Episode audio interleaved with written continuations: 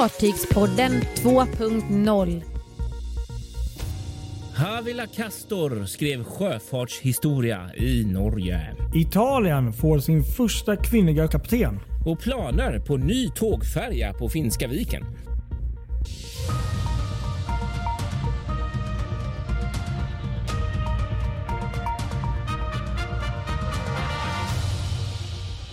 Här sitter vi. Nytt avsnitt äntligen av Fartygspodden. Det har ju varit ett litet uppehåll här på två veckor. Ja, men precis. Jag eh, har bytt eh, hemmakontoret mot eh, utekontor idag faktiskt och testar att spela in. Jag sitter eh, i Stenkullen, en liten bit öster om Göteborg idag, där det just nu pågår en eh, hundutställning där eh, familjen, eller ska man säga, har, eh, har, vi har eller, eh, på min frus sida så har, finns det ett stort hundintresse, eh, framförallt för rasen boxer och idag har de utställning här. Eh, så att eh, därav, och då tänkte jag då kombinerar vi detta. Så jag tar en liten paus från hundutställningen och spelar in podd här. Ja, det är härligt att du kan vara så flexibel. Ja, Jag befinner, befinner mig på den här hemliga orten i en bunker någonstans utanför Mm. Stockholm som vanligt. Så att, eh, det, det, är som det brukar vara.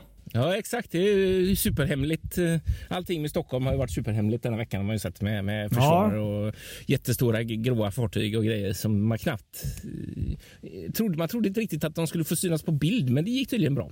Ja, precis, precis. Ja, hur som helst. Kristoffer Kullenberg Rotvall heter jag, om inte vi har sagt det innan. Och du heter vad då? Och jag heter då Patrik Leinell och Just det. eh, det är vi som gör Fartygspodden. Exakt, precis. Så är det. Veckans fartyg. Ska vi börja med mm, något lite speciellt faktiskt och som ju egentligen är orsaken till att Fartygspodden har eh, gjort ett uppehåll här ett tag. Vi pratar om veckans fartyg här alltså. MSC Grandiosa. Ja, precis. Någon av Fartygspoddens två eh, deltagare har varit ute och rest med denna, eller hur? Och det var ju du Kristoffer som... Nej, okej. Nej. Nej, faktiskt. Det har, har ju varit jag då som har varit ute på, på en kryssning på en, eh, en drömkryssning skulle jag vilja säga. På Mm. alla sätt och vis. Jag har alltid varit väldigt fascinerad av eh, natur och vackra vyer. Och, eh, vårt grannland Norge är ju inte jätte, jätte dålig på det. Liksom. Det, är, det har varit en, en dröm länge att få kryssa i eh, några av de norska fjordarna och eh, nu så, um, så blev det äntligen av här Mm. i slutet av ja, sista veckan kan man säga då, av, av maj, så 22 till 29 maj. Var jag ombord på MSC Cruises eh, fartyg Grandiosa då. Fantastiskt. Och det är det som då är veckans fartyg. Ja, Kan ju berätta mer om, om resan sen kanske. Eller något. Ja. Jag tänkte jag ska, ska vi börja med fartyget i sig här kanske? ja, gör det. Jo, men det här är då ehm, ett av eh, 19 fartyg i MSCs eh, eh, numera riktigt stora flotta. Mm. Ehm, Grandiosa är ju då en, eh, en- plusklass då, eh, till en, eh, en lite mindre båt som en gång i tiden kom som heter Meravidia. Just det. Så det är ju då Meravidia-klassen kom ju först då. Mm. Och det här är då eh, första fartyget i, i plusklassen då. Ja, just det. Det var första i plusklassen. eh, Ja, mm. sen kom Virtuosa som, som eh, är systerfartyg och så, så kommer Euribia nästa år. Just det, LNG-drivna. Så, så det är några meter som skiljer på de här mot Meravidia och Bellissima som var de här första då. Mm. eh, som kom i den här lite mindre klassen. Det, det, jag tror det är något däckskillnad och sen eh, jag det är 10-15 meter på längd och så är det lite, lite mer volym sådär som det brukar vara i plusklasserna. Ja, just det. Precis. Exakt. Det, det som är lite kul då, det var att eh, det här fartyget då ehm, eh, hade sin eh, vad ska man säga, namngivning 9 Ja. november 2019 och där var ju faktiskt vi med. Det var ju i Hamburg. Ja, just det. Precis. Exakt. Det var ju det som var Hamburg. ja. Det var ju det fräckaste dopet jag har varit på. Det är fortfarande så att varje gång jag hör Katy Perrys låt Firework på radion så åker jag tillbaks till Hamburg i ett par minuter. Och Precis. detta fantastiska dopet.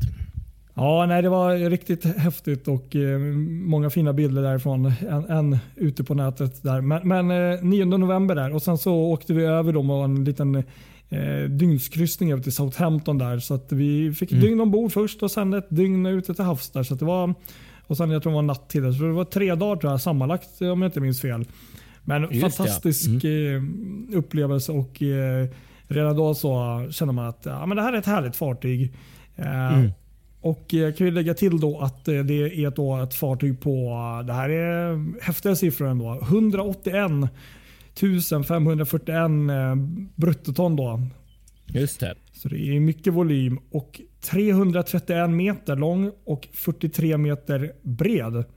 Och Ja. eh, Det märker man ju, för det är ju ett väldigt stort och brett fartyg. Och Sen är hon då 65 meter hög och har då 19 däck och en eh, ja, marschfart på 22,3 knop. Men fantastiskt fartyg och det här är ju då, för de som inte vet, kan man väl säga då, en eh, sån här all, all around eh, klass då. På det Just sättet det. att eh, fartyget är anpassat eh, för egentligen alla väder mer eller mindre. Kanske inte uppe i, jag vet inte, kanske värsta polarisen dock. Men, men, det, det spelar ingen roll om det är kallt eller varmt. Det går lika bra att åka i varmare klimat som kallare klimat.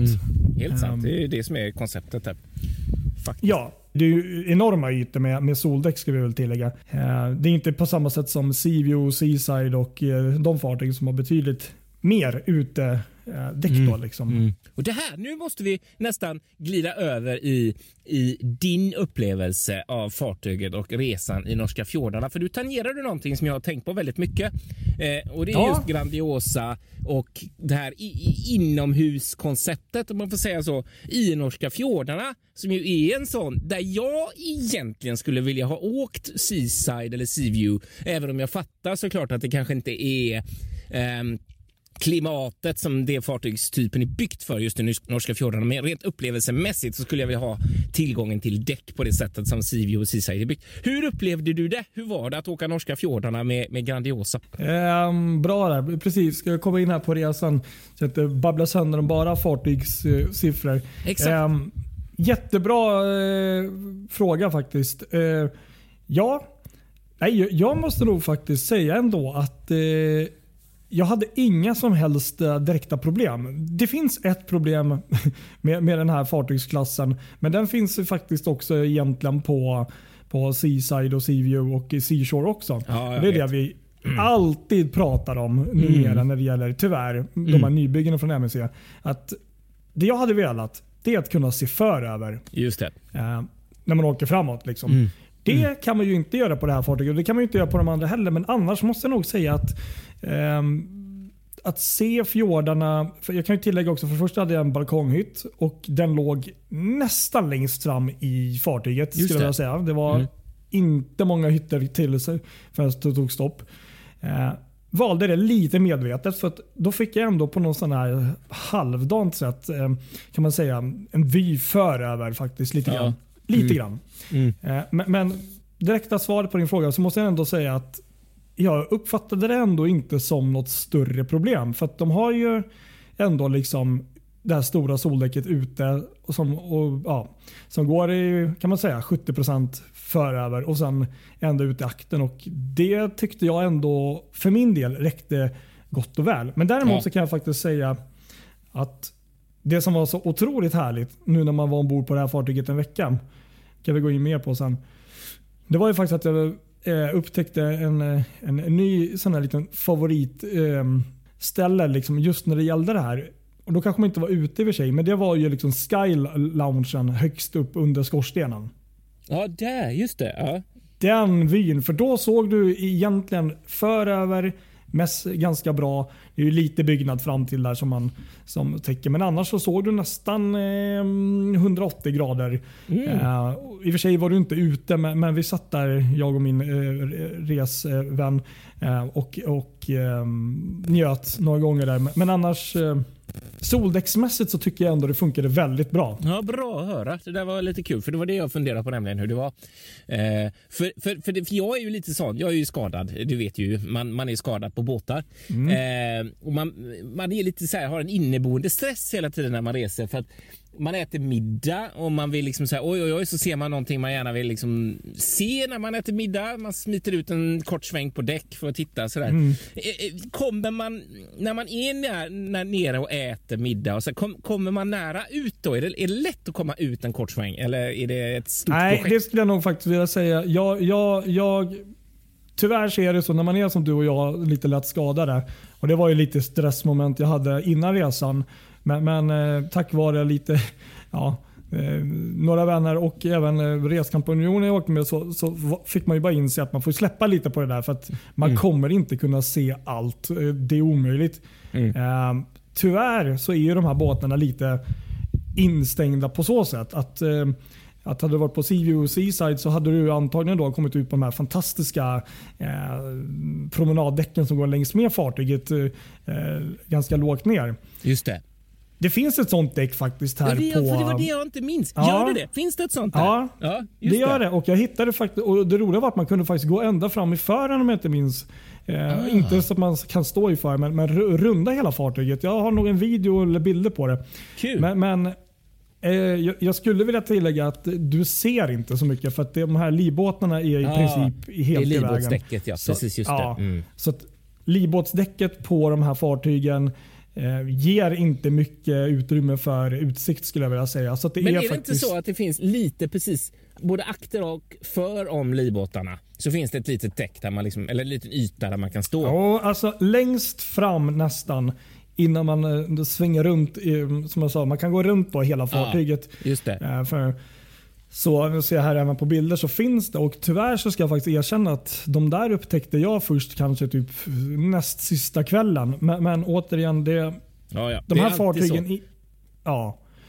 Och de här fartygen är lite eh, precis som även eh, Voyager Class och Freedom Class och de på, på Royal Caribbeans fartyg. Så, så är de tyvärr lite mer instängda invändigt där. Att Mm. de här däcken är inte riktigt så tillgängliga på det sättet med den vyn som vi skulle önska. Då är det de övre däcken skulle jag vilja säga. Mm, Eh, mm. Men med det sagt så eh, de är ju toppenbra på så sätt ändå. Där hade jag inga problem och tyckte att det, det, gav, det gav det jag ville ha. Liksom. Mm. Men, men man har ju alltid mer önskningar. Men att springa ut sådär bara hux flux och, och få tillgång till en bra fotoplats. Eh, den är inte lika stor längre ner i fartyget skulle jag vilja säga. Nej, precis. Ja, för det här, det här kan man tjata mycket om, men det här är faktiskt väldigt viktigt. I alla fall när jag funderar på vilket kryssningsfartyg man ska åka i norska fjordarna med så är är faktiskt däcken jävligt viktiga eh, för hur man ska, eh, var man kan stå och liksom hur, hur man kan uppleva fjordarna. När man stå, åker med ett sånt jättestort fartyg som Grandiosa är så får du en helt fantastisk vy högt upp ju, eh, jämfört med till exempel om man åker med mindre fartyg. Och det, det vill man ju, den grejen är helt fantastisk, kan jag tänka mig. Absolut. Eh, nej men de övre däcken där, det, det där tyckte jag faktiskt att det var, förutom att man inte kommer längst fram, helt fantastiskt. Och även Sky Loungen om man nu vill eh, få ännu bredare utsikt. Och dock så är det fönster och grejer kanske lite som skymmer så det kanske inte är optimal om du vill fota så, men det är ändå vackert. Och sen akterut så var det inga problem heller. Um, och så, så att jag, jag upplevde inte det rent fotomässigt som ett problem att åka med Meravidia Ravidja, ehm, plusklassen. Det, det ska jag nog inte säga. Sen finns det väl antagligen fartyg som är mer optimala för just på, på, på foto, till, alltså platser ombord kanske. Men, men Mm. eh, jag skulle inte säga att det är en nackdel att åka med dem på det sättet. Absolut inte. Nej, nej, nej, just det. Precis. Ja, kul att höra. Men du, du måste ju berätta lite grann. Hur var, hur var fartyget i övrigt då, liksom, att kryssa med? Jo, men det här är faktiskt jättekul för att vi har ju snackat en del om, eh, du och jag har ju varit ombord här och jag kom på det att de enda fartyget jag inte varit ombord på i den här klassen är Virtuosa hittills. Och ehm, Det är ju ett systerfartyg till det där. Och har man varit ombord på ett av de här fartygen så skulle jag nog säga att du har sett nästan allt på de andra också. Det är några mindre skillnader. eh, och så. Men, men ehm, jag måste nog ändå säga att den här klassen växte ändå lite i mina ögon nu när man fick en hel vecka ombord. Ja. De är lite instängda. De har en jättelång gågata, de har shoppingcenter, de har allt där. Det är lite mer instängt där um, än kanske vissa andra fartyg. Men, det var inget som störde mig så heller. Sen har de ju också, kan vi bara tillägga, då, den här Sky Loungen där uppe underskorsten fantastisk. Likaså gymmet under där. Sen ehm, finns ju det här fantastiska utrymmet längst bak i akten där Circus du Soleil hade sina shower förut. Just det. Som inte, de fick ju lägga ner. Ja, men nu har de återöppnat igen fast det är en egen produktion som eh, MSC tror jag det är, själva som gör någon lite mer exklusiv. Eh, vi var på en av de eh, showerna och den var riktigt bra. Kul. Den loungen har de ju öppet om jag inte minns fel på dagarna liksom lite för lite allmänt eh, häng och sånt. Så att, och där är också, det, det är ju helt fantastisk vy och då är man ganska långt ner i fartyget också skulle jag Just säga. det. Ja, faktiskt. Det är väldigt, den där är häftig. Den är riktigt cool. Ja, och det, det tror jag inte alla vet, vet om sådär. Nej, det har jag inte tänkt. Jag har tänkt att det bara var Circus Soleil där på kväll, att det inte är någonting på dagen. Men det där var kul att höra faktiskt. Ja, nej, jag, jag, jag vill minnas att de hade eh, uppdraget där och, att man kunde komma in där på dagen faktiskt. Men, men eh, jag kan minnas fel. Men ja. jag var där i alla fall vid något tillfälle. Och det, det, det var inga problem. Nej men Annars skulle jag bara säga att jag, jag tycker fan, nej men fartygen har vuxit i mina ögon. Just den här klassen. Jag har aldrig varit anti men det är klart man har haft andra som man har tyckt varit lite mer intressanta. Och, och lite så. Men men det är ett väldigt trevligt eh, fartygs... Eh, klass. Stora fartyg är det. Enormt stora. Ja, verkligen. På våran kryssning så var det runt 3000 passagerare vilket är, ja, det är ju långt ifrån fullsatt och det, och det var skönt faktiskt måste jag säga. Ja, eller hur? Precis. Det, var- det, det, var- det var skönt. Och, och, och sen så, um, som nästan alltid på kryssningsfartygen och även här måste jag tillägga att bland de absolut häftigaste och härligaste vyerna på hela fartyget är ju uppe vid eh, buffén. Ja, ja, gud ja. Det här är ju så fint. Jag menar, jag vet inte hur många frukostar, och nu säger jag bara de här norska fjordarna när man glider in där eller precis lagt till. Och jag och min resvän där, vi satt där och åt frukost innan vi skulle gå av. Alltså det, var, det var så vackert, man bara satt där och njöt. Och man sitter liksom 40-45 meter upp i luften och liksom, det är ju höga fartyg precis som du sa. Ehm, men men eh, fantastisk vy. Sen kan jag väl tillägga så här att eh, maten, den är alltid viktig. Den är Mm. viktig. Den är viktig. Och jag hade ju liksom preppat på här och sagt att Åh, du, du kommer älska maten i, i, i huvudrestaurangen. Det, det är jättebra och sånt. Och eh, det var den. Men jag måste säga första kvällen så var den faktiskt inte alls så rolig. Jaha, och okej. Servicen var, var lite si sådär Mm. eh, i huvudrestaurangen. Nu vill jag bara tillägga också att vi hade köpt ett paket där vi hade köpt in oss på tre stycken specialrestauranger Aha, sånt smart. Ja. Under den här sju dagars kryssningen. Vilket gjorde att vi i princip gick på en specialrestaurang eh, ja, typ ungefär varannan dag. Varannan dag då. Mm. Smart upplägg. Ungefär, ja. Och där ska jag faktiskt säga, jag ska komma tillbaka till huvudrestaurangen.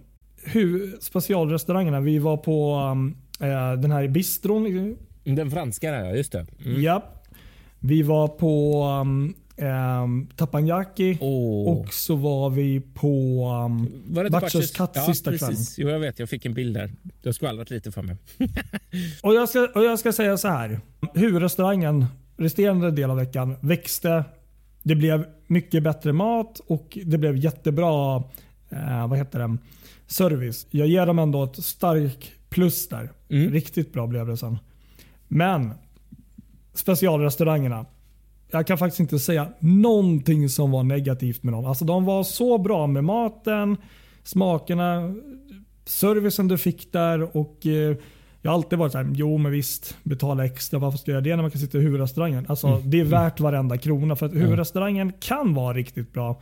Nu blev den bättre men, men alltså, det går inte att jämföra. Det här var, det var värt varenda krona kan jag säga för de här paketen. Kul! Det var roligt att höra. Superbra. Men jag vill också bara tillägga att eh, huvudrestaurangen växte också som sagt på slutet där. Och, eller mitten och framåt. Så att, eh, helt okej, men det som reskompanjonen sa. Eh, tyckte att buffén var faktiskt något vassare än huvudrestaurangen. Och det, ja, det kan man ju då tolka lite hur man vill. Ja. Hur bra det är. Mm. Ja, Men, men hon var ju supernöjd med de här specialrestaurangerna också. Så det är någonting jag skulle absolut säga att åker ni med MEC eller kanske något annat rederi, prova åtminstone en gång någon specialrestaurang. För det, det kan vara en riktig hit. Ja, för det var kul. det för oss. Det är bra att veta. Verkligen. Men där har man ju också så här, man tänker just om man står och funderar på om man ska välja mellan en stor och ett litet fartyg när man ska kryssa, så här, kryssa generellt eller kryssa även i eh, norska fjordarna. Då. Så den stora tjusningen eller stora fördelen med de stora fartygen är just eh, det enorma utbudet av val som du har. Eh, med massa olika restauranger. Så här. De mindre fartygen kanske har en, på sin höjd två. Och är man inte riktigt nöjd då med maten, då är det ju lite sådär, mm, ska jag vara här hela veckan? Jo, nej men precis. Och jag måste säga det ändå när jag åkt med MSC med, med eh, huvudrestaurangen att det har varit väldigt varierande. Att vissa gånger har det varit toppenbra, vissa gånger lite som det var här första kvällen. Mm. Så det verkar ju bero lite på fartyg, vilka som jobbar ombord, lite kanske utbudet på maten. Eh, Men som du säger, fantastiskt utbud här och jag insåg faktiskt idag att det var faktiskt till och med två restauranger till som jag inte hade testat. Och det var ju Tappan, inte Tappajaki men Tapas och så var det en till Ja, restaurang just det. där. Det Som var jag en inte, tapasrestaurang där också. Ja, precis. ja, Mm. så att det finns eh, så. Men, men absolut värt det. Och sen, eh, det är väl egentligen den sammankopplade faktorn med hela mm, fartyget och den här klassen. Att I mina ögon så växte den faktiskt Mm. eh, med den här resan. Och, ehm, och eh, Jag gör det ju lätt igen med, med den här fartygsklassen alla gånger. Ehm, och eh, Ja, men våga prova eh, de här Mm. specialrestaurangerna. Och sen är det ju det här med norska fjordarna. Det är också så här, det, det, det är precis som jag hade önskat mig fast ännu bättre. Det, ehm, Det är kul betyg. Ja. Ja, jag är så himla såld på, på norska fjordarna igen. Jag måste säga att jag åkte i Medelhavet några gånger och det, det är fantastiskt. Men jag, jag tror faktiskt att det här var nog faktiskt vackrare än det jag har sett i Medelhavet tycker jag faktiskt. Ja, men det det, är det. är min åsikt. Men du, hur var, Ehm. det här är också en sån central grej som man inte kan boka på något sätt och inte ha någon makt över överhuvudtaget. Men hur var vädret? För det kan ju verkligen ställa till det för en sån här, på en sån här resa. Ja, vi åkte ju sent i maj. Vilket jag då tänkte var jättebra för då är det varmt. Eh, Det har ju varit en ganska kall maj överlag i Sverige och tror jag även i Norge. Mm. Eh, Det jag lärde mig med norska fjordarna var ju att, att eh, vädret slår ju om på 10 minuter. Det kan vara sol ena stunden, sen var det regnskur på en 10 minuter, en kvart och sen Mm. var det blåst mittemellan. Så jag skulle säga att vädret var varierande. Det är nog det bästa. Eh, Så jag är absolut inte missnöjd men, men eh, det skulle vara kul att testa att åka i norska fjordarna i juli, juli augusti någon gång. Bara för att se varmare, liksom, lite stabilare på så sätt. Spännande.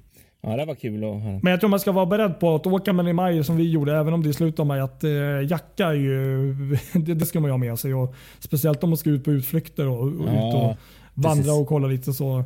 Det, det är ju bergstoppar och bergskedjor så att vä- vädret det, det ändras fort. Liksom. Mm, eller hur? Det får man ha med sig. precis. Men det är ju rätt bra egentligen, för då vet man det. Även om det regnar då när man vaknar, så med största sannolikhet så kommer det att slå om. Ja, nej men det skulle jag vilja säga. Jag har ehm, ja, jag la upp lite grann. Jag vet att jag kanske lovade mer än vad jag sa där till er som lyssnar. Ehm, det är typ lite allt jag har ett nötskal. Men jag, jag sitter på så mycket schysst eh, content här som jag tänkte jag skulle väl försöka klippa ihop någon film och eh, även lägga ut bilder och, och, och sånt eh, framöver så ni får en lite mer känsla av, av ehm, Norgeresan här. Men, men norska fjordarna alla gånger säger jag, det, det skulle jag lätt vilja göra. Och det kan väl avsluta här då innan. Ja, vad kul. Det gör vi. Det var, vi åkte från Köpenhamn och så tre fjordar upp. Det var ju då um, Geiranger bland annat och sen var det Ålesund och så var det Flåm och sen var det liksom ner igen till Kiel. Och jag, jag säger det här med all respekt att um, Tyskland, jag älskar dig. Kiel, det är en jättetrevlig stad men mm, när man har kommit från norska fjorden och avslutar kryssningen med Kiel och sen tillbaka till Köpenhamn. Det, det, det kändes lite lamt då faktiskt. Ja, det kan jag förstå. Det kan jag förstå. Ja. Där, där måste jag säga, där ska jag faktiskt slå ett slag för... Jag hade gärna skippat Kiel och kört en fjord Ja. till alltså. Det kan jag förstå. Men det är ju för de MSC, de vill ju ha turnaround både i Ja. Köpenhamn och i Kiel.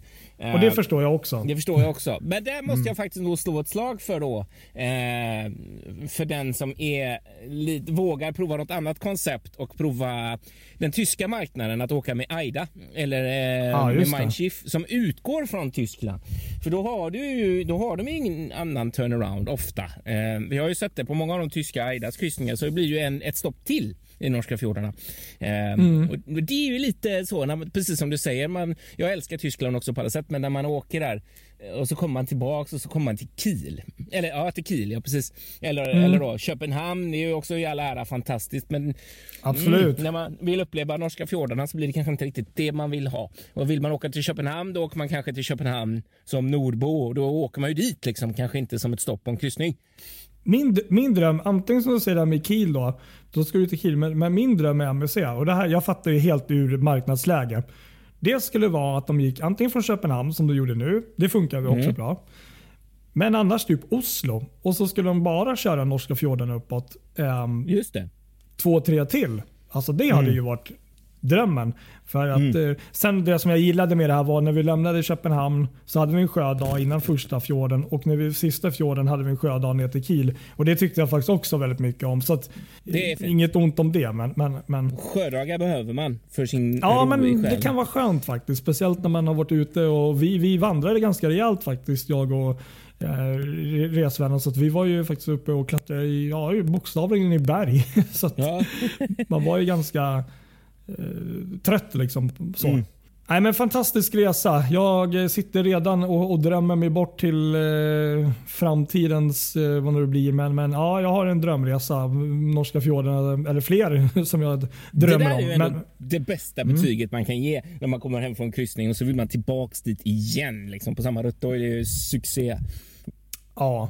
Ja, men det är det. Alla gånger och fantastiskt fartyg på så sätt. Och jag, jag är jättenöjd. Det, det, jag har faktiskt inte så mycket mer att tillägga där. Det gläder mig. Vill bara tillägga en väldigt kort grej här nu också när vi ändå håller på. Att det var ju lite kul. Ja. Vi fick ju ganska roligt eh, sällskap där också i huvudrestaurangen. Världen är liten. Jo, nej men första kvällen vi satt i huvudrestaurangen och eh, fick då grannar då. Eh, Peter och eh, Marcus då, som då båda är, speciellt Peter då, han är eh, Peter Devall eh, som är mm, på Ja, landgången de och även ja, eh, tror jag han är med på Mm. några andra sidor här också. Ehm, Ja. Ja, på kryssningar och kryssningsfartyg på Facebook är jag med i där. Ehm, Så det här var hans tolfte internationella kryssning som han gjorde. Vad och jag tror hans kompis Marcus tror jag var hans första. Eh, Jättekul att man träffar på eh, Det är kul. Vad roligt. Det var kul att höra. Ja, verkligen. likasinnade människor när man är ute och åker sådär. Vad kul. Och han kände ju självklart till våran podd också, så det var ju lite mm, så att, en liten shout-out till er två då. Ja, faktiskt. Det är en shout-out till er. Tack för att ni lyssnar. Kul.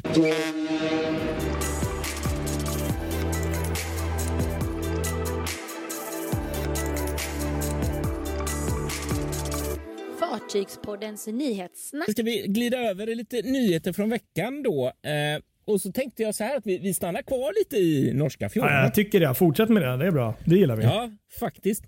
För att, På, på ett ställe där jag var faktiskt. ja, i, i Geirange av alla ställen så skrevs det faktiskt eh, riktig sjöfartshistoria den 2 juni. Det var väl, eh, ska vi se vilken dag det var. Det var i början av, eh, ja det var i slutet av förra veckan var det.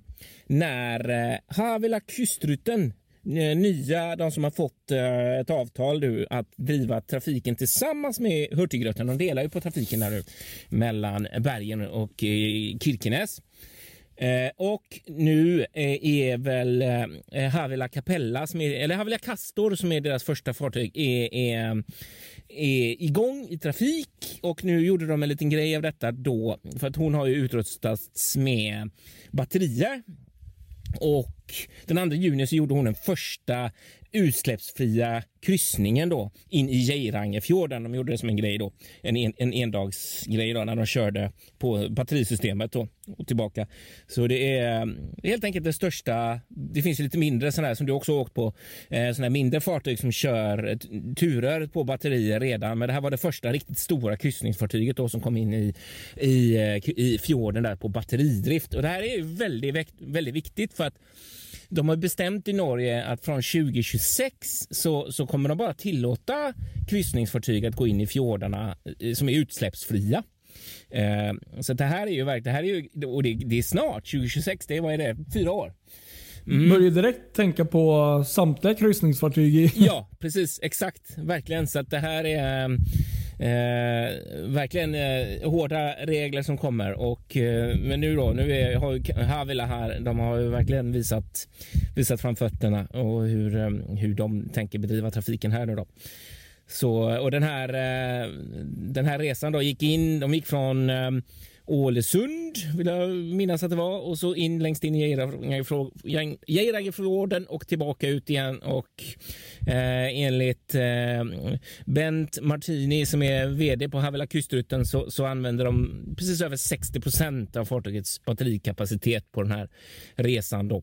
Eh, så att eh, de är nöjda. Jag tyckte att te testet som, som, det var funkade superbra. Så att det är ju både gott inför framtiden här. Mycket ja, spännande. Nej, jättehäftigt. Alltså man får ju sådana flashbacks tänkte jag säga.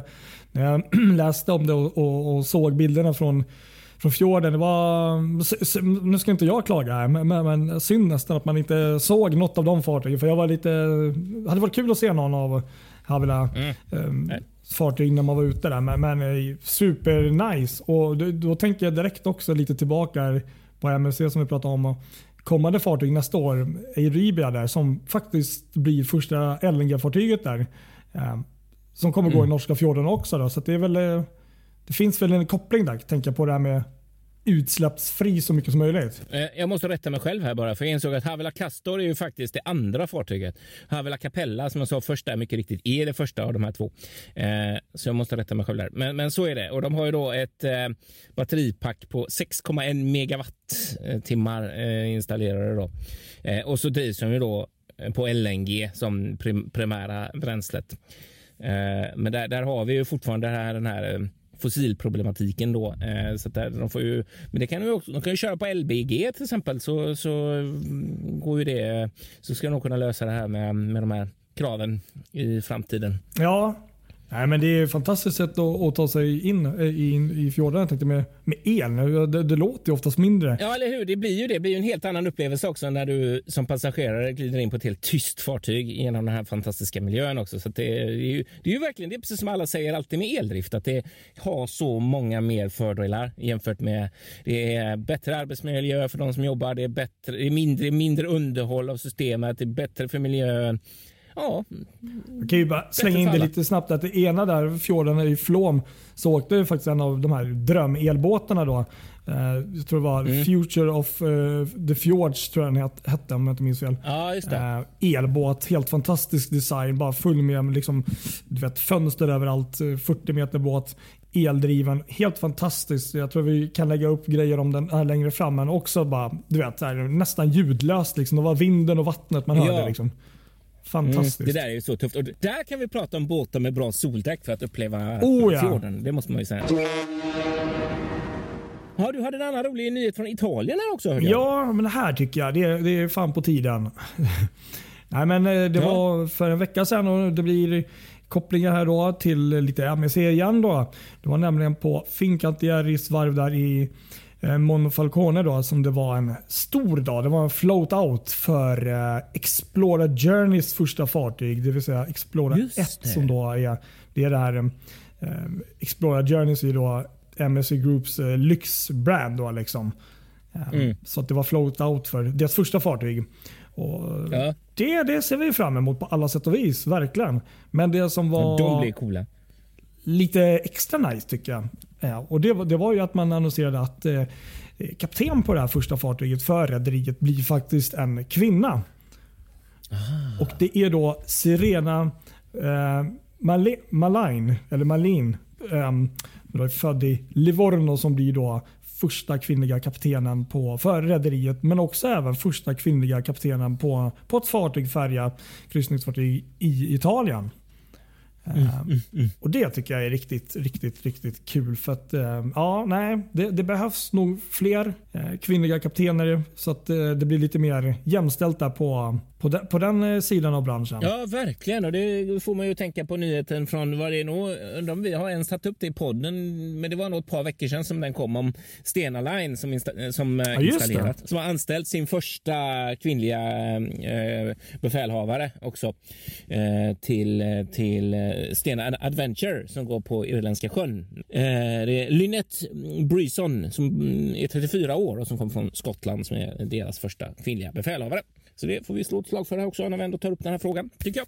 Som sagt, eh, i alla fall uppe i hur vi har det här i norra Europa så, så är det behovet av ehm, folk inom sjöfarten är enormt och då kan man liksom inte förbise hälften av vår befolkning bara för att de är kvinnor. Det går inte. Utan vi måste ju verkligen rekrytera från båda kan, sidor. Kan bara tillägga nu, det blir mycket kopplingar fram och tillbaka. Men det får vara ett sånt avsnitt idag. För det var länge sedan vi var här så det får, ja, får dra ut lite. Sedan. Det blir längre idag. Vi är pratglada.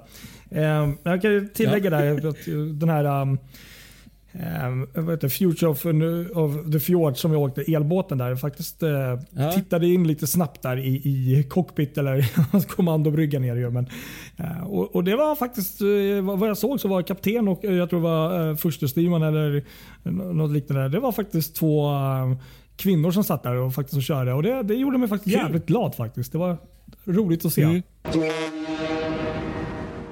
Du hade något annat kul här va? Det är mycket kul idag. Ja, mycket kul. Bara väldigt roliga nyheter. Det här var Ja. en skräll skulle jag nästan vilja påstå. För, för eh, det, alltså grejen tågfärjor, det, det är liksom dinosaur, sjöfartens dinosaurier Ja, som håller på att dö ut. Eh, det finns i Skåne, där har vi två stycken som, det finns flera, men två stycken som används just nu. Eh, Skåne och Mecklenburg-Vorpommern, Stena Lines två färger. Eh, men andelen tåg som de fraktar går ner hela tiden, eh, så det blir mindre och mindre. Och eh, ja, det är väl, ja det är inte framtiden om man ska uttrycka sig krasst så, eh, även om många vill ha kvar den här eh, järnvägsförbindelsen eftersom det inte finns någon eh, annan väg eh, ut eh, ur Sverige än Öresundsbron. Så jag menar, tänk om Öresundsbron skulle haverera för lång tid. Då är det järnvägsfärger som gäller för det gods som är järnvägsbundet. Då. Men, och det här gäller egentligen inte Sverige, men jag vill ändå lyfta det som en bra grej för tågfärjans existens. Och det är att eh, det åländska eh, rederiet Fennorail Ja. eh, tillsammans med eller Delta Marin håller på att designa en ny eh, järnvägsfärja för det här rederiet Fennorail eh, som är tänkt då eh, för trafik på Finska viken. Ja. eh, mellan en hamn i södra Finland och Paldiski i Estland för att knyta ihop säcken här. Och det, är- det, det, det är Delta Marin då som håller på nu. Då. De har fått uppdraget att ta fram en konceptdesign för en järnvägsfärja som ska gå i trafik då 2025. Och det här fartyget som fått projektnamnet Eurocarrier kommer få ungefär 1000 meter spårkapacitet eh, på ett kombidäck då, och, så, och cirka 1500 filmeter för rullande last på ett övre däck. Eh, så det, här, det här är ju riktigt, riktigt roligt verkligen. Så det är liksom Eh, ett att nybygge det- då? Det är inte någon gammal färja Ja, som man bygger precis. om? Liksom ett nybygge med järnvägskapacitet och det, det, det är ju riktigt häftigt. Eh, för om man tänker, det har varit några sådana nybyggen som varit för typ några kanadensiska och några ryska och linjer så lite udda som jag har sett nu i tiden. Men ingenting här. Det har liksom inte varit nära. Liksom. Det, det, det känns som att det, det har inte varit... Eh, när man pratar om järnväg så känns det som att numera så är allting, allting man hör det är att det ska vara intermodalt. Det vet, det är så här, kommer ett, ett långt tåg med massa lastbilstrailers och så lyfter man av dem i hamnen så rullar man ombord dem. Eh, som rullande last. Liksom. Men nu, det här är ju jättekul om det faktiskt finns lite framtid för för, ehm, för, för den här typen av, ehm, av järnväg. Ja, nej, Eh, Och, eh, det finns ju en ambition också att detta ska bli den grönaste järnvägsfärjan i världen. Eh, för den ska få då, den ska bli, den ska få generatorer. LNG, eller? Och så poddar. Och så ska den kunna i första hand köras på en blandning av LNG och vätgas. Okej, men även ja. ren, ren LNG eller diesel. Då. Ja. Så det, det, det finns mycket. De ritar på, på det här fortfarande som sagt. Men det, det, ja, riktigt, riktigt spännande projekt verkligen. Så det får vi ha ögonen på. Ja, nej, men det var faktiskt Fe- lite, det. lite otippat som du säger där med, med typ eh, tågfärjornas död mer eller mindre så kommer det ett nytt där. Så, Eller hur? ja. Precis.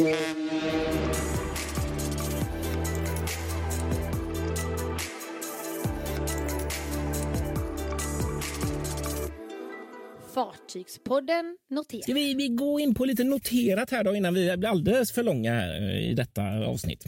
ja, och jag tycker vi fortsätter med de roliga nyheterna. Ja, det tycker jag. Ja, det är så mycket roligt det här.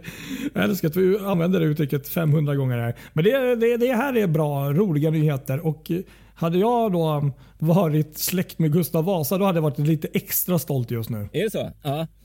Då undrar ju kanske några av er vad fan snackar den där killen om? Har han fått för Ja, mycket drinkar på sin kryssning? Ehm, ja, nästan. Jo, men det är så här det är. Gustav Vasa är numera skuldfri. Jaha. Det är helt underbart. Och Då undrar kanske någon, vad fan har det med, med det här att göra? Jo, det finns en koppling. Ehm, ja, för några veckor sedan, tänkte jag säga, några dagar sedan, så seglade nämligen marinens segelfartyg Gladan och Falken in i tyska staden Lübeck. Jaha. Aha, nu kanske några börjar fatta var det här kommer gå någonstans. Och eh, Det var ett litet speciellt uppdrag. De hade nämligen en kista med lite pengar ombord. Jaha, okej. Och, eh, det som hände var faktiskt helt enkelt var att eh, marinchef Eva Skog Hasslum överlämnade faktiskt eh, den här eh, kistan med, eh, jag vet inte hur mycket det var i den, men, som en symbolisk eh, sista betalning. Eh, för roligt. cirka 500 år sedan så tog ju då Gustav Vasa dåtidens ett, ett enormt lån för att få tillgång till, jag tror det var 10 stycken utrustade krigsfartyg. Och Det var ju då i Lübeck i Tyskland. Och Sedan dess så har ju då eh, i någon form, jag vet inte hur det har skötts, eh, har ju den här skulden liksom inte betalats av förrän nu. Mm, Okej, ja det. Det här gör man Jaha. väl då lite också för att då man firar då väl att det är väl också marinens 500 års eh, jubileum. Ja, precis. Exakt. Och man menar också på att det här var lite av starten av den svenska marinens, ja, det som blev svenska marinen också. Det här köpet som Gustav Vasa gjorde, eller lånet. Så att eh, Just det, just det. superkul tycker jag. Liksom att, Vad skönt ändå nu när, de, när marinen firar 500 år att vi kan säga att nu är, är, är den här skulden betald. Så att nu behöver vi inte tänka på att betala någon skuld till Tyskland. nej men Skönt. precis. Eh, och jag menar, undrar om Gustav Vasa tänkte på det. Liksom, att 500 år, alltså nästan ett halvt tusen år, liksom, 500 år senare efter, eh, så bara liksom blev man klar. Precis. Ja. Ja, det. Nej, men det är en fantastisk nyhet. frid i graven. Och, och bara för att vi pratar om Gustav Vasa så tycker jag att vi fortsätter med, med Vasa här. För det, du har något kul Ja. där också. Eller hur? Jag tänkte faktiskt på, på regalskeppet Vasa här nu då. Eh, och när man då, när man bärgade Vasa Ja. så hittade man en eh, flaska med en 33-procentig brännvin Jaha. i vraket. Ja. Eh, som var kryddad med bland annat anis och sådär. Mm. Och den eh, brännvinen har man nu lyckats återskapa efter ganska många noggranna analyser och hit, lyckats hitta liksom hur den här ska smaka, hur den ska vara nu då. Så att nu eh, inom kort på Systembolaget så kommer det finnas en, en brännvin som man kan köpa som heter Vasa 1628. Det tycker jag var väldigt roligt. Eh, de har forskat på det här länge och nu är drycken äntligen klar. Det där är coolt. Jag tycker det är ju superkul. Jag tycker nästan att vi bestämmer det här och nu. När den kommer så köper vi en flaska var och så sitter vi i direktsändning och eh, provar. Eller hur? Faktiskt. Det måste vi men göra, Kristoffer. talat, Det här är inget skämt. Mm. Fartygspodden ska dricka brännvin. Vasa 1628 i Vi direktsändning. kanske får i alla fall eh, satsa på den till midsommar om inte annat. Det hade varit superbra. Och så tar vi, en, tar vi en shot för varje sån här punkt vi tar så får vi se hur det ser ut. Just det. Ja. det är ett jättebra avsnitt. tror jag, Ja, men jag tror faktiskt det. ja, men det. Är jätte, ja, men häftigt att de har kunnat Mm. lyckas med det. det är liksom, sånt där gillar jag. Allt som har en historisk koppling Ja. med något speciell story bakom är extra kul. Mm. Exakt. Ja, men det är det. Verkligen. Men vi får ju faktiskt flytta oss vidare till Holland och eh, Rotterdam för lite mer eh, historia. Ja, nej, men Holland America Lines hade ju all, eh, ja, vad ska man säga, anledning att fira. Eh, De firade ju då eh, Rotterdam, deras nyaste fartyg där. De, det var dop. Och det här är ju då en i mängden av Rotterdam som har funnits. Och eh, jag tror även du såg det. var en fantastisk bild på gamla Rotterdam som du Ja, sov över på i våras. Och det nya fartyget när den var på samma bild. mm, precis. Rotterdam och Rotterdam med Rotterdam. Den är ju bara helt underbar. alltså. Tre Rotterdam. Eh, ja, fartyget blev då döpt av ingen mindre än självaste prinsessan Margaret av Nederländerna som också då är fartygets gudmoder. Sen har vi ytterligare ett dop och det är ju då de här eh, lyx, alltså superstora lyxjet eh, supercruise-rederiet. då. Emerald Cruises har då haft dop för fartyget Azora och det skedde i Venedig. Ah, just det. Just det. Coolt.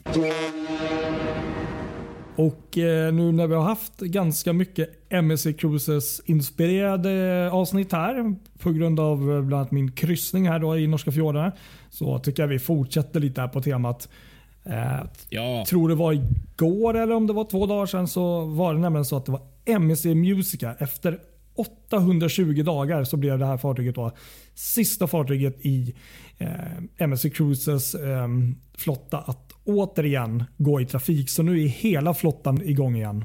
Ah, Gud vad kul, vad roligt. Det där var roligt verkligen. Ja, för jag tyckte jag hörde, eller läste någonstans att de firade det genom att den dagen, att alla 19 fartygen eh, tutade sina tyfoner där exakt samtidigt vid lunchtid. Det, det kan nog stämma. Det har jag faktiskt missat. Men det, varför mm. inte? Det, det, det ska ja. inte förvåna mig. 820 dagar, det är ganska lång tid. Alltså. Det säger rätt mycket om vad den här pandemin har ställt till med. Ja, precis. precis. Um, här är ju någonting som är liksom väldigt varmt om hjärtat för mig. Då.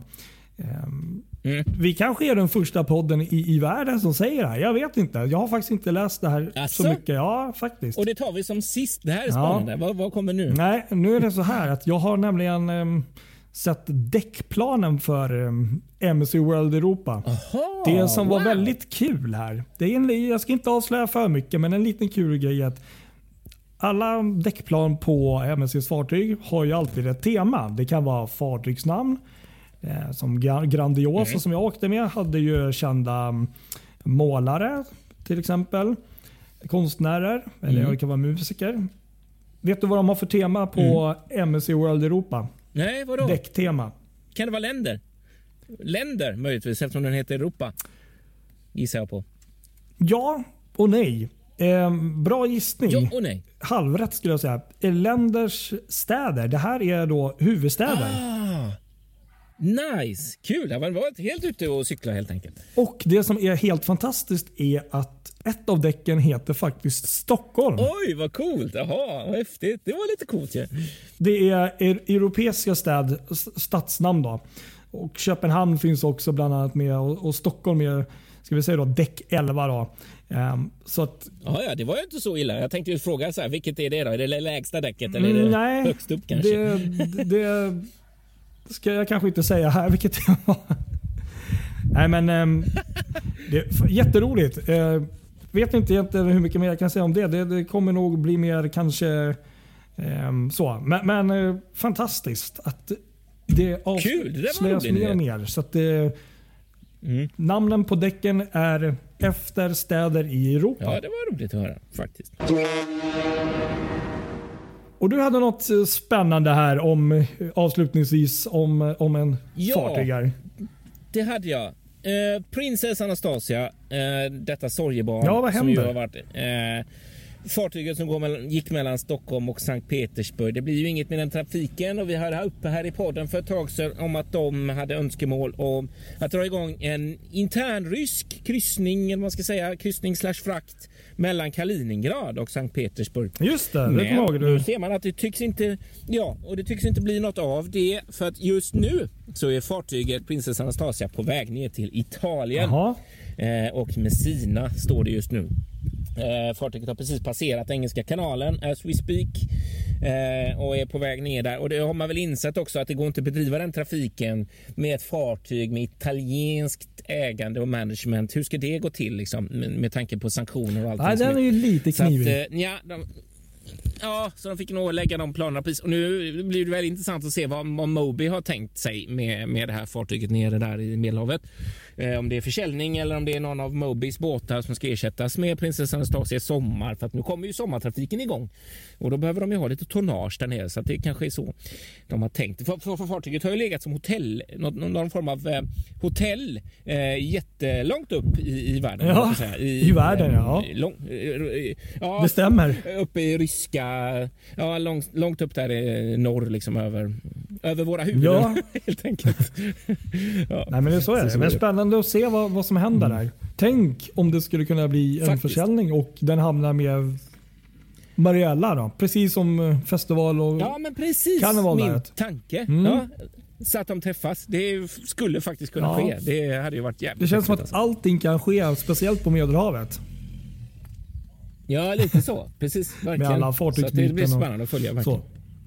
Ja, men vi är sådana nördar du och jag. Det är ju sånt man tycker är kul. men herregud, det, det var som någon sa till mig för ett tag sedan, det, som förklarade det här ganska bra. Alltså tåg, flygplan, bussar, bilar, de finns i hundratusentals exemplar allihopa. Eh, men fartyg, jag menar, det finns två stycken av dessa. Eh, Olympia och Mariella, om nu ska jag använda ja, de gamla precis. namnen. Eh, då blir det ju lite spännande. Och så att de är så här stora. Liksom. Det finns inte hundratals av dem. Då hade man inte tyckt var lika kul. Men nu blir det ju kul på ett annat ja, sätt. Ja, nej men verkligen. Ja, men så är det ju.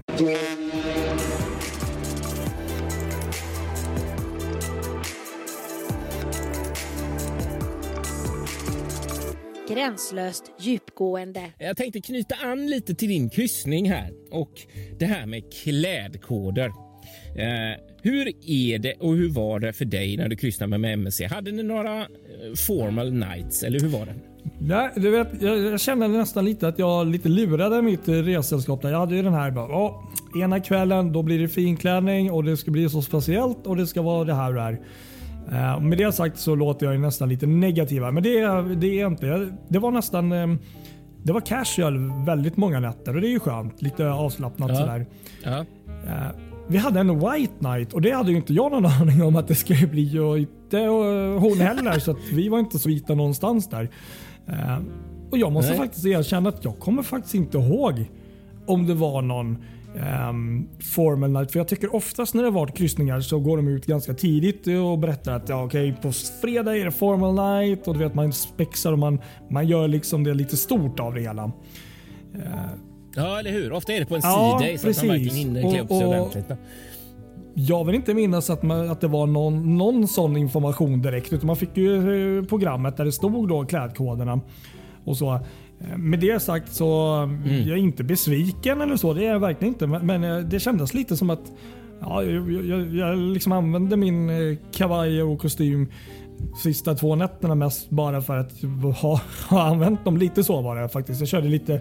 Ja, ja. Körde lite det där var intressant att höra lättare faktiskt. sådär med bara kavaj de andra dagarna. Och det här är ju inte, det är inte rederiets fel så. Liksom. Det är väl skönt att få ha på det. det är så. Däremot så måste jag säga att i restaurangen så huvudrestaurangen pratar jag om. Där, det var väl inte buffé liksom klädstil direkt, men, men, men det var ju många som också satt med liksom en stickad tröja och, och, och så. så att på MSC, huvudrestaurangen, ja, okay. på den båten jag åkte med, så tyckte jag nog att klädkoderna mm. var väl inte jättestrikta där måste jag säga. Nej, och det kan vara lite synd ibland faktiskt. Det där är ju min bild. Ja, eller hur? Faktiskt. Att, det där är eh, väldigt intressant. för att jag, är ju väldigt, jag tycker ju ändå att det är någonstans, särskilt när man inte reser med barn. Uh, det är kul med barn också, men, men då tycker jag det kan vara lite kul att slänga på sig sin Absolut. kostym och känna sig lite. Och när alla andra också har det. Är man ensam och inte eh, då blir det lite sådär, mm. men, men just när, när det är, verkligen är festligt och alla andra har uh, klätt upp sig också så är det speciellt. Jag tänker, nu tänker jag speciellt på Cunard. Ja, där, där hade du inte kommit in med en stickad uh, tröja kan jag säga. Nej, precis. Och där är det lite annan grej. Men, men just på eh, MSC, där är min bild att det också blir färre och färre som klär upp sig så mycket. Att det, blir liksom, det är en grej som håller på att försvinna lite från hela kryssningssegmentet. Att det blir mer och mer att man har, man har kört sin kavaj och sen så är man klar. Så räcker det. Och så har man, behöver man inte hålla reda på massa koder. Och på ett sätt så är det mm. skönt för att det är ju lite jobbigt det där. Men på ett sätt så gillar jag ju det. Men då, då, de gångerna man, då kanske man ska söka sig mot Cunard möjligen. Det, jag vet ja, inte. Nej, men jag, jag, jag säger väl så här med kavaj. För kavaj kan vara snyggt med en snygg t-shirt eller en skjorta under och, och på liksom finbyxor och, och så. Eller liksom svarta jeans, jag vet inte. Men det, det kan jag ändå tycka är stilfullt. Men, men just när man... Jag, jag kan väl ta ett som exempel och det störde mig inte alls. Vi hade ett jättegulligt par ganska nära oss. Det var eh, världens minsta lilla söta bebis och mamman satt där och eh, E, ena dagen så, så var hon lite mer uppklädd och andra dagen så såg hon ut som att hon precis, du vet en typisk du vet, dag hemma med barnet liksom ungefär. Och det kan jag förstå ja, liksom. Herregud, det. det var inte lätt mm, ibland där vid middagen. Eh, och vi mest satt och log åt henne och hon såg nästan ut som att hon ville gå och lägga sig. Men, men, men, men ehm, ja, nej, men ibland så känner man väl ändå lite så här att på buffén, ja jag fattar det, men liksom, det var väl vissa som satt eh, liksom fan vet jag, en Iron Maiden tröja och man såg halva arslet liksom när de satt åt. Liksom. Um, så att, um, Ja, nej, sånt är ju inte okej. Men man får ju vara lite Jag smart. såg inte riktigt sånt Smart i närheten i specialrestaurangerna direkt heller. Nej. Liksom, så att, så att, ehm, jag hoppas ändå att man, om man nu pratar om den upplevelsen jag hade på MSC, att man ändå mm, Casual är ju bra, men det kanske ändå Ja, kanske Iron Maiden-tröjan och de slitna jeansen kanske hör hemma i buffén. Jag vet inte. Det lite ja, så. lite så är min känsla också. Man vill ändå ha lite, men ändå att det är lite friare. Så att, ja, nej, men jag är ändå med. Jag vill inte se buttcracket på någon hårig eh, snubbe liksom när jag Det vill äter. man ju helst inte göra faktiskt. Helt sant. Ja, nej, men det kan man ha mycket åsikter om. Jag tänker att nu har vi närmat oss 59 minuter på vår inspelning. För att vi inte ska döda våra lyssnare. Ska vi ta och Ja, det tycker jag. Jag hör att du har gått ut i, i, vinden också här. Ja, jag gick ut i vinden här för nu kom Ja. min familj här och är klara med hundutställningen. Så att nu tycker de Ja. att vi ska åka iväg. Så att då, Då är det bara att liksom köra. time för mig att runda av. Så Jo. det passar ganska bra faktiskt. Eh, men jag tänker så här, ni som lyssnar får jättegärna höra av, sig, höra av er till oss och berätta om vad ni tycker om klädkoder på kryssningar. Om det är någonting som styr er när ni väljer rederi och sådär. Eh, det hade varit kul att höra. Och kul att ni varit med denna gång och som sagt eh, jag ska klippa ihop någonting bild och videomässigt här från min resa så ni får det lite mer visuellt. Det blir ju lätt mycket snack och, och man kanske inte riktigt hänger med så. Men, men, men hoppas ni ändå haft det trevligt så, så ska vi då försöka komma ut med ett nytt avsnitt eh, redan nästa vecka igen som, som vanligt då här. Ja, exakt. Mm. Och nu har du en jätteutmaning här. Du vet, vår podd har ju alltid en bild som stora ingångsbilden till varje avsnitt. Du, du har tagit tusentals bilder från din resa. Nu får du faktiskt, vi brukar skoja om Ja. det, du får bara ta en bild, brukar du skämta med mig om. Nu är det det läget Patrik, du ska välja ut en Ja, jag, jag kan säga direkt vad det är för något. Jag har faktiskt en fantastisk bild som jag tog kväll nummer två inne på restaurangen på, bot, på ett uh, buttcrack från, Mm. från en hårig man som satt fram... Nej, jag skojar bara. Jag Ehm, tar den! ja, nej, det blir en liten utmaning där faktiskt. Jag, jag, jag, jag vet inte riktigt vad jag ska välja, men det, det, det får bli en liten mission. Ja, det, det, ser ni alla ni som uh, lyssnar på avsnittet. Gå in på fartygspodden.se Mm. så ser ni den bilden där. Som Patrik valde. Ja, det säger vi. Tack så mycket för att ni har lyssnat. Det så gör hörs vi vi. nästa Ha det bra. igen. Hej då! Så säger vi hej då!